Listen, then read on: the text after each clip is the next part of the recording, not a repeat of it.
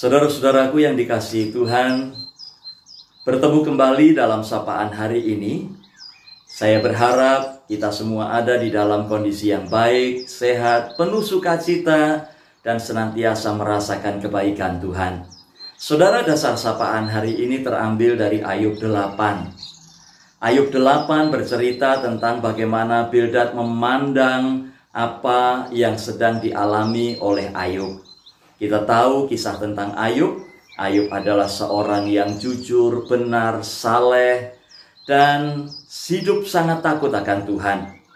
Tetapi dalam kehidupannya yang seperti itu, Tuhan izinkan penderitaan yang begitu berat Ayub alami.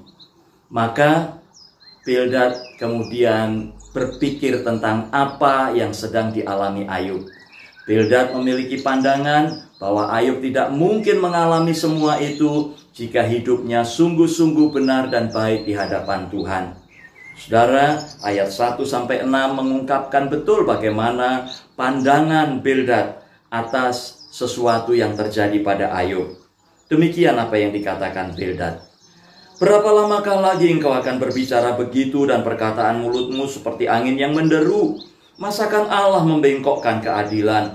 Masakan yang maha kuasa membengkokkan kebenaran?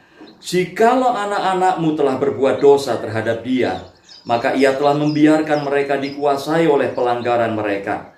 Tetapi engkau, kalau engkau mencari Allah dan memohon belas kasihan dari yang maha kuasa, kalau engkau bersih dan jujur, maka tentu ia akan bangkit demi engkau dan ia akan memulihkan rumah yang adalah hakmu maka kedudukanmu yang dahulu akan kelihatan hina, tetapi kedudukanmu yang kemudian akan menjadi sangat mulia.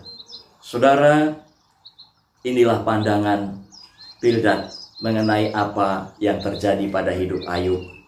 Saudara-saudaraku, kita bisa melihat bagaimana Bildad menjadi hakim atas Ayub.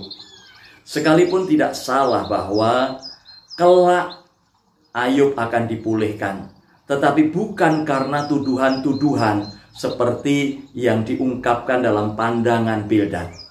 Saudara-saudara, sering kita menjadi hakim atas sesama kita, seperti halnya Bildad.